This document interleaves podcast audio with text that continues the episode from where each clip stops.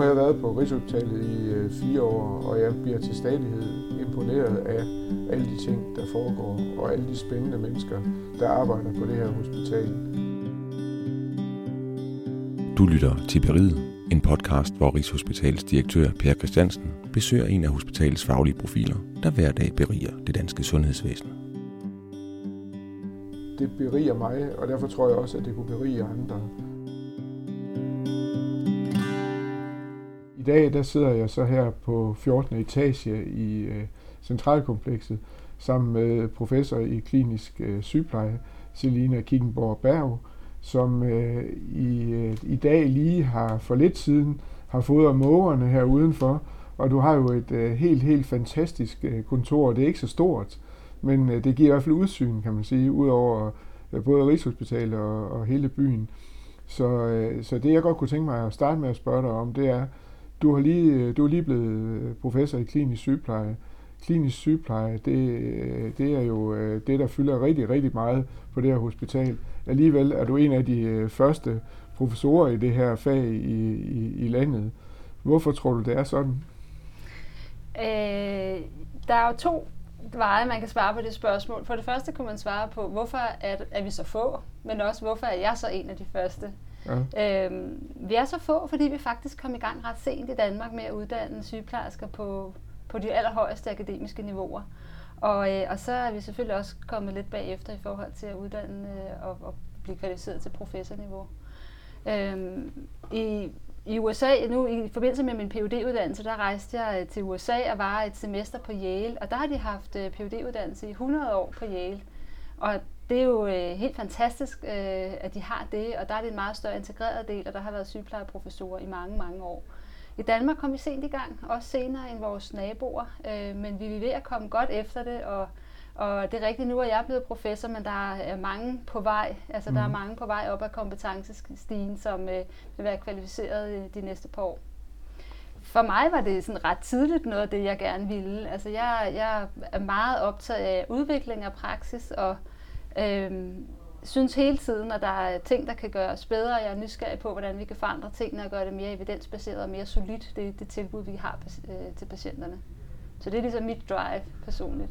Men når nu, man, nu, nu hørte jeg jo din uh, tiltrædelsesforelæsning. Ja. Jeg hørte også noget af det, der blev sagt til receptionen bagefter. Ja. Og, og noget af det, der karakteriserer dig, det var også uh, det her med, at, uh, at selvom der var nogen, der sagde, at det er nu en god idé, så, øh, så provokerer det dig nærmest sådan til at gå videre. Og, og jeg tænker egentlig, at i forhold til, at, at I er sådan et relativt lille område øh, forskningsmæssigt, mm. i forhold til, hvad I fylder ja. i huset, har det så været en kamp, du har haft, eller hvordan har du selv oplevet det der med at komme ja. og, og bygge det her op, og, ja. og gør, også i virkeligheden kvalificere dig selv til at blive, øh, blive professor?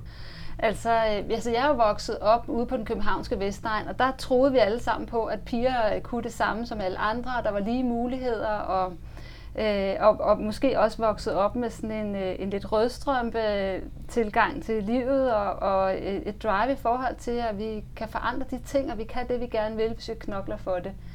Og jeg er ikke bange for at tage en øh, diskussion, jeg er ikke bange for at stille spørgsmålstegn ved den praksis, som har været indtil da. Og, og når man kommer ind, og jeg var rimelig ung også, da jeg kom ind på Rigshospitalet, så har man jo vågemod og energi mm. til at kaste sig over øh, tingene. Og, og jeg har altid haft en blind tro på, øh, på projektet, som er, at, at sygeplejen kan kvalificeres bedre og har noget mm. helt unikt at byde ind med, som vores patienter har brug for.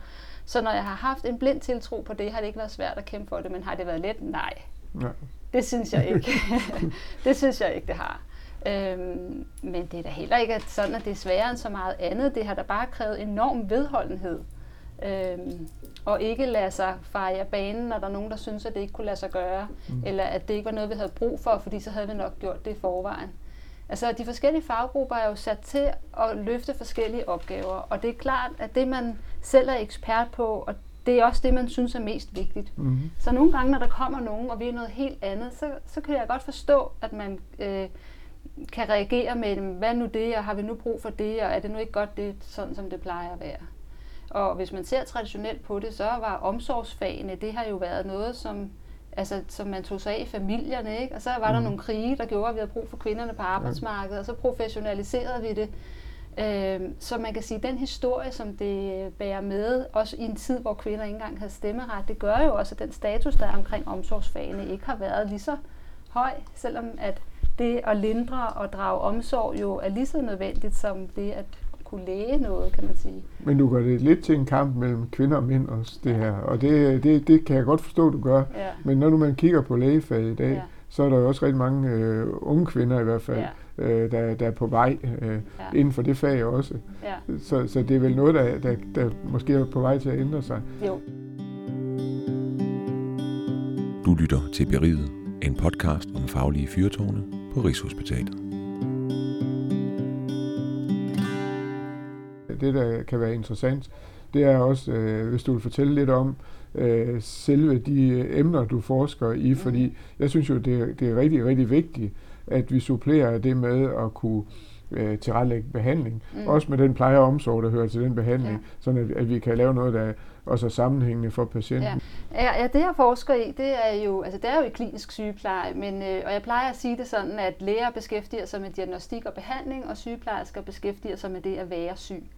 Og det at være syg, det kan jo spænde lige fra at være indlagt her på Rigshospitalet og være meget øh, påvirket, øh, hvor man har brug for nogen til at varetage sine helt grundlæggende behov, til at skulle hjem og leve med en kronisk sygdom. Så det er faktisk helt det spænd, som jeg interesserer mig for i mit arbejde. Og særligt øh, er jeg jo optaget af hjerteområdet og, og, øh, og sammenhængen mellem kan man sige, hjerte og hjerne. Altså, hvad er det, der sker med mennesker, når de bliver hjertesyge? Hvilken betydning får det for deres psyke? Og hvilken betydning får deres psyke for deres fysiske sygdom? Og, øh, og nu ved jeg ikke, hvordan det er med dig, Per, men når, når jeg lander i sofaen om aftenen efter en lang arbejdsdag, så kan jeg sådan godt sidde der med min iPad og google lidt. Kender du det? Ja, ja. det kan jeg godt. Og, og så når jeg sidder og kigger, så kan jeg stille sådan forskellige spørgsmål. For eksempel sådan noget med, um, altså, kan man egentlig dø af skræk? Eller hvordan kan det egentlig være, at man scorer flere mål på hjemmebane, end man gør på udebane i ja. fodbold. Ikke? Og, og det har jeg virkelig undret mig over, når jeg sådan sidder der og med min iPad om aftenen, og så kan jeg sådan google rundt, og så fandt jeg for eksempel sådan en, en fin oversigt over det der med udebanemål og hjemmebanemål, hvor jeg kunne se, at, øh, at når øh, man spiller fodbold på hjemmebane, så scorer man altså 30% flere mål, end når man er på udebane. Og det synes jeg er virkelig interessant. Mm. Og hvordan kan det være? Øhm, det kan jeg godt øh, sådan undre mig over. Og så så fandt jeg også en historie om, sådan, kan, man, kan man ikke dø af skræk? Og så fandt jeg ud af, det kan man godt faktisk. Frederik den 7. Han, øh, han døde af skræk, da han troede, vi blev invaderet af, af Spanien. Men det var faktisk hjælpetropper, men han døde af skræk, inden han nåede at opdage det. Og sådan er der forskellige sådan, beskrivelser, som man jo godt kan forstå, når, at det kan ske. Og så tænker jeg, hvad så egentlig med vores patienter, når de kommer her? De er jo virkelig meget på udebane. Og hvad betyder det så egentlig for dem i forhold til det, de skal håndtere? Øhm, de er jo bange for at dø øh, eller bange for at blive kronisk svækket. Øh, og hvordan håndterer de egentlig det, og hvad betyder det egentlig for dem? Og så, så når vi begynder at tænke over de der sammenhænge, så tænker jeg, at det må vi altså prøve at undersøge, om, om vores patienter egentlig også er så påvirket af at, at være på udebane mm. i deres liv, og ikke at have nogle erfaringer at trække på. Så, så gik vi sammen her for nogle år siden med de andre sygeplejersker for de andre hjertecentre i Odense, Aalborg Aarhus øh, og Gentofte, og så lavede vi et stort studie, hvor vi undersøgte patienternes angstniveau, når de gik hjem herfra for en indlæggelse. Og øh, vi spurgte 16.000 patienter, og vi fandt ud af, at ca. 30 procent af dem havde øh, symptomer på angst, og ca. 20 procent af dem havde øh, symptomer på depression. Og så kiggede vi selvfølgelig lidt på, hvad betyder det så? Og, øh, og det vi så kunne finde ud af, da vi så øh, fulgte op i registrene, det var, at de patienter, der var angste, de havde faktisk dobbelt så høj dødelighed efter et år, sammenlignet med dem, der ikke var angste. Øh, og det samme gjorde sig gældende for dem med depressionssymptomer. Mm. Så, så det der, vi gik og troede var, ja, selvfølgelig er de lidt bare ængstlige, og hvis vi har tid, så må vi holde dem lidt i hånden. Ja. At det er faktisk jo slet ikke nok. Øh, der skal noget helt andet systematisk indsats til. Og at de her psykiske faktorer faktisk er lige så store risikofaktorer øh, som for højt blodtryk, som diabetes, når man er hjertesyg. Så det er altså et område, som, som vi skal tage os meget alvorligt og gøre noget ja. ved. Og det synes jeg kræver to ting. Altså det kræver selvfølgelig, at vi ved, hvad for nogle interventioner og behandlinger vi skal stille op med, men det kræver også, at vi har øh, nogle kompetente sygeplejersker til at tage sig af det. Eller psykologer, eller, altså det ja. kunne være en tværfaglig indsats, men i hvert fald er nogle kompetencer til at tage sig af det. Så det er jeg ekstremt optaget af i øjeblikket, at finde ud af, hvad, hvad gør vi ved det her? Hvordan kan vi i et travlt sundhedsvæsen, hvor vi optimerer på behandling og nedsætter indlæggelsestiderne, alligevel tage os af det her, fordi det er noget, vi skal til at ophøje som, som egentlige risikofaktorer. Men det var også noget af det, jeg dengang du holdt din tiltrædelsesforelæsning, jeg synes var det noget af det interessante, fordi man kan meget nemt komme til at bruge alle pengene på selve behandlingen. Mm. Og, og der, der vil det jo så vise sig øh, med de øh, ting, du har fundet ud af, at i virkeligheden så taber man jo noget af gevinsten igen, hvis man ikke sørger for at, øh, at få folk tilbage, helt tilbage i, i deres øh, normale arbejde, deres normale virkelighed. Ja. Øh, så, så det er jo det er jo en rigtig vigtig øh, transformation fra øh, at være patient til igen at blive almindelige borgere. Ikke? Jo, det er det. Ting.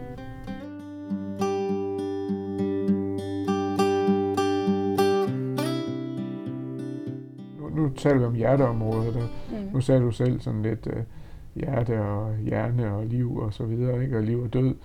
Altså på det her område, der tænker jeg da også, at, øh, at netop den der psykologiske faktor måske kan være større end i så mange andre øh, sygdomsområder. Ja. Er det også det, altså, øh, den tryghed, som patienten skal have, for eksempel ved at træne osv., mm.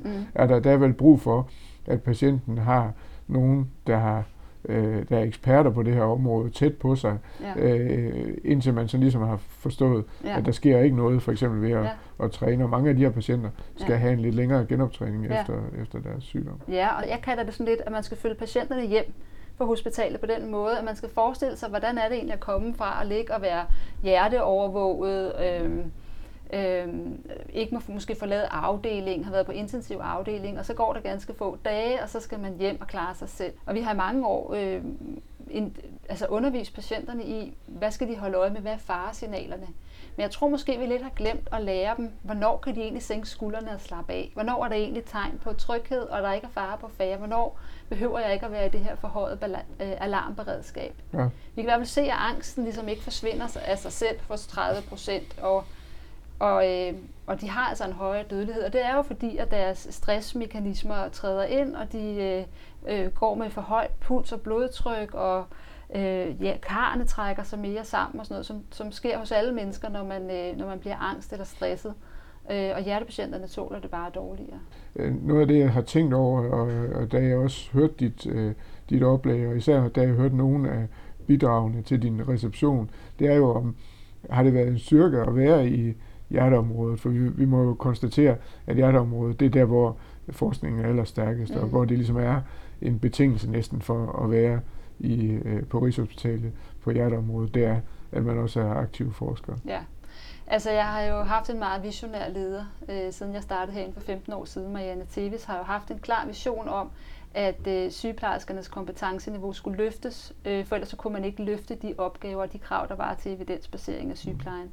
Så vi startede jo med, at alle øh, kliniske sygeplejerspecialister og afdelingssygeplejersker skulle have en kandidatuddannelse, og så fortsatte vi øh, med, at der så også var nogen, der skulle have en phd uddannelse og det er jo ikke alle, mm. der skal det langt fra, men der er nogen, der skal for at ligesom sikre forskningen. Så det har klart været en styrke at være her, og der er jo også et, øh, rigtig mange af vores læger, som forsker meget, og på den måde har der jo været øh, støtte at hente.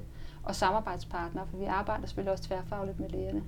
Når jeg starter et forskningsprojekt, så tænker jeg selvfølgelig mest på forskningen og på patienterne. Men så tænker jeg lige efter det, tænker jeg, hvordan kan jeg uddanne øh, sygeplejersker i det her projekt? Hvordan kan jeg sætte en phd studerende op?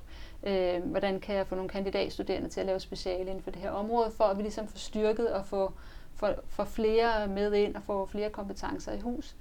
Og så har det jo været et stort mål, at vi skulle beholde phd studerende eller øh, slud af når de første er PhD, at vi skulle øh, beholde dem med en PhD tæt på patienterne. Mm. At de skulle ikke ud og sidde øh, kun på sygeplejeskolerne eller over på Panum. Eller, altså, de skulle være ude ved patienterne og, og få øje på, hvad det er, der skal forskes i, og kunne implementere den forskning, som der, som der laves. Så vi har været meget inspireret af den struktur, der har været for overlægerne. At de har jo også ansvaret for et patientfelt.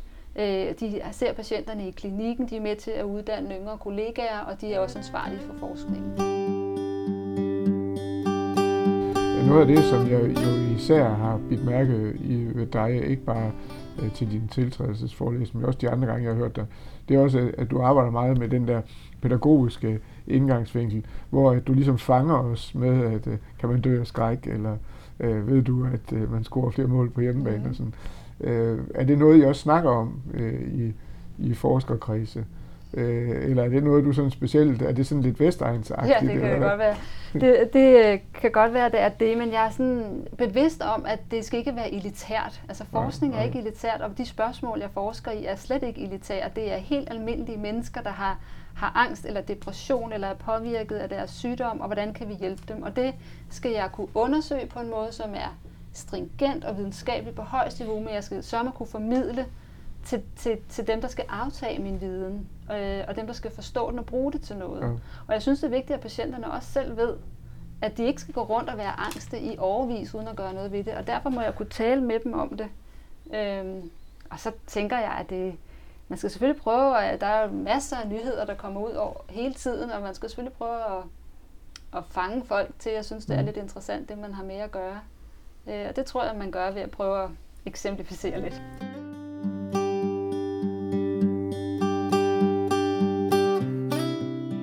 Hvordan ser du egentlig fremtiden for sygeplejeforskningen, ikke bare på Rigshospitalet, men i, men i Danmark? Altså, jeg har jo et meget stort håb om, at vi kan få integreret, øh, altså vi kan, få, vi kan beholde de stillinger, vi har, hvor der er fokus på, på udvikling, og vi kan få øget kompetenceniveauet i de stillinger i hele landet. Øh, jeg har desværre set, at der i nogle regioner har man lavet nogle besparelser på de her områder, og det synes jeg er dybt bekymrende. Mm. Og så bliver vi endnu en gang slået langt tilbage i forhold til, til andre lande.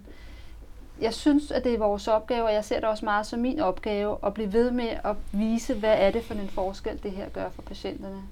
Øhm, og det kan vi jo gøre ved at, øh, at lægge vores viden frem og sørge for også at lave økonomianalyser, når vi laver store projekter, øhm, for at at kunne øh, ja, argumentere for, at det her er et område, vi, vi stadigvæk skal satse på. Så, så, så min drøm er selvfølgelig, at vi fortsætter den gode udvikling, som vi har i Danmark, at vi i højere og højere grad får professionaliseret sygeplejen, så der kommer mere balance i kompetenceniveauerne ude på, på afdelingerne. Nu, nu var du sådan lidt inde på den der øh, rødstrømpe tilgang, ja. men, men det er vel også sådan, nu, nu bliver der en, et større, som sagt et større antal øh, kvinder, der bliver læger mm, også. Øh, forskning, det er ikke sådan et 7-4 job er der en øh, risiko for, at, øh, at vores øh, forskning i virkeligheden kommer til at, at lide under, at der bliver flere kvinder? Er det for provokerende nej. at spørge? Ja, nej, det er ikke for provokerende at spørge. Jeg kan sagtens forstå.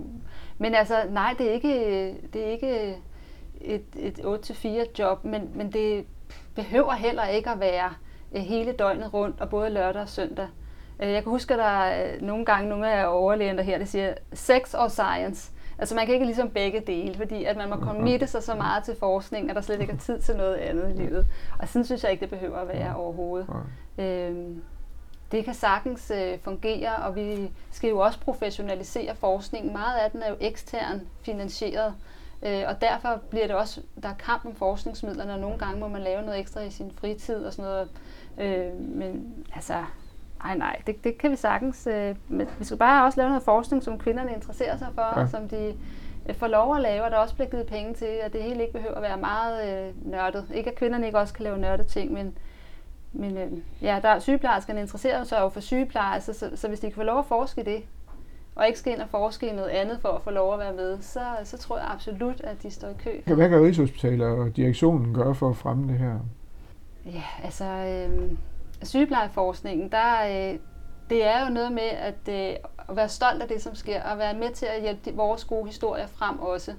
Øh, så er det selvfølgelig også noget med finansiering. Øh, man kunne jo godt kigge lidt på puljernes størrelse i mm. forhold til den ene mm. og den anden pulje. Øh, var der nogen, man skulle hjælpe lidt mere i en periode? Mm. Men jeg synes faktisk, at vi lykkes med at få, få, få midler til de projekter, vi, vi synes er vigtige. Øh, men, men ja. det, det der med puljernes størrelse, jeg har det jo lidt sådan, at det, øh, det har jeg jo været meget opmærksom på med, at, at, at, at der så er der sådan en dedikeret pulje til det. Men, men der, der, kan man, der kan jeg i hvert fald godt personligt sådan være lidt nervøs for, det bliver sådan en egensudviklingsstøtte mm. øh, til dem, der har det svært, svært eller sådan. Og, og, og der oplever jeg jo jer være lidt øh, forskellige i jeres tilgang til det, øh, hvor nogen siger, at det er der brug for, fordi det, det er et mindre område, det skal støttes og bæres frem. Og andre siger, nej, det skal være på lige vilkår, for ellers så bliver vi aldrig accepteret. Men det kommer an på, hvem der sidder og uddeler pengene. Jeg sidder i forskellige forskningsudvalg, så nu snakker jeg bare generelt for ikke at ligesom pege specifikt på nogen, men Men øh, min, min oplevelse er, at man giver penge til det, som ligner det, man selv laver, og det, man selv er mest optaget af. Og hvis noget er meget anderledes end det, man plejer at lave, så er man måske lidt mere tilbageholdende mm. med at give mm. penge til det, for måske forstår man det ikke engang. Måske bliver der brugt ja. nogle forskningsmetoder, som man ikke selv arbejder med. Og der kunne jeg godt nogle gange tænke, at øh, nu sidder der jo, altså 9 ud af 10 forskningsudvalgene er jo læger, og det kunne jo godt have en betydning for, hvordan pengene blev delt ud. Men Fordi... jeg, jeg har jo selv måske den tilgang til, til det, at, øh, at i virkeligheden bør vi vel også sådan ledelsesmæssigt kigge ned over det og så sige, jamen, der er brug for evidens på begge områder. Og, og hvis ikke vi, vi ligesom lader jer forske øh, på samme øh, niveau og vilkår og frihedsgrader, så bliver der jo aldrig evidens på, øh, på plejeområdet, ja. genoptræningsområdet, hvad, hvad kunne altså, ja. jordmorområdet, der, der er alle, alle de områder, mm. hvor der ikke er så meget forskning. Ja, præcis. Altså det er jeg sådan set enig med dig i. Jeg synes, at der, der, man, må, man må investere i det, man gerne vil se gro. Øh, og noget klarer sig selv rigtig godt, og så lad dem blive ved at køre med det. Ja. Men, men andre skal have øh, nogle særlige puljer. Skal det være sådan for evigt? Nej, det tror jeg ikke, det behøver. Som du også siger, der bliver mere, altså alle de her gamle kulturhistoriske ting med kvinder og mænd, og hvad der kom fra det ene og det andet, og hvad er status, det udvisker sig, tænker jeg, igennem tiden. Men jeg synes, at i nogle perioder kunne man måske godt se på, at man skulle lave en ekstra indsats. Øhm, og, og jeg tænker, det er et enormt vigtigt signal for direktionen at sende, at vi gerne vil øh, have sygeplejersker uddannet på det her niveau, og vi vil have forskning på det her niveau, og og så er jeg sikker på, at man ude i klinikkerne kan finde ud af at etablere stillingerne og, og hjælpe projekterne afsted. Yes. Jeg vil sige tusind tak for en meget, meget spændende snak, og jeg, jeg er også glad for at, øh, at møde en fra Vestegnen herinde på, på Blejdomsvej. Du er jo lige midt i FCK-området, øh, og jeg går ud fra, at, at øh, det er ikke lige der, dit hjerte banker. Nej, det er det Så, så øh, tak for, for et, en spændende snak, og, og tak for at få lov at og nyde din udsigt. Og jeg har aldrig, vil jeg sige, selv mødt øh, en tam måge så Nej. tæt på som heroppe. Det vil sige, det er jo heller ikke mig, der har dresseret den med naboerne derinde, men jeg har stor fornøjelse af mågen, som kommer her og, ja. og tigger hver, hver eftermiddag. Du har lyttet til Beriget med Rigshospitalets direktør Per Christiansen og professor Selina Kickenborg Berg. Du kan finde flere afsnit af Beriget der, hvor du plejer at finde dine podcasts på Rigshospitalets hjemmeside eller på internettet, hvis du er medarbejder.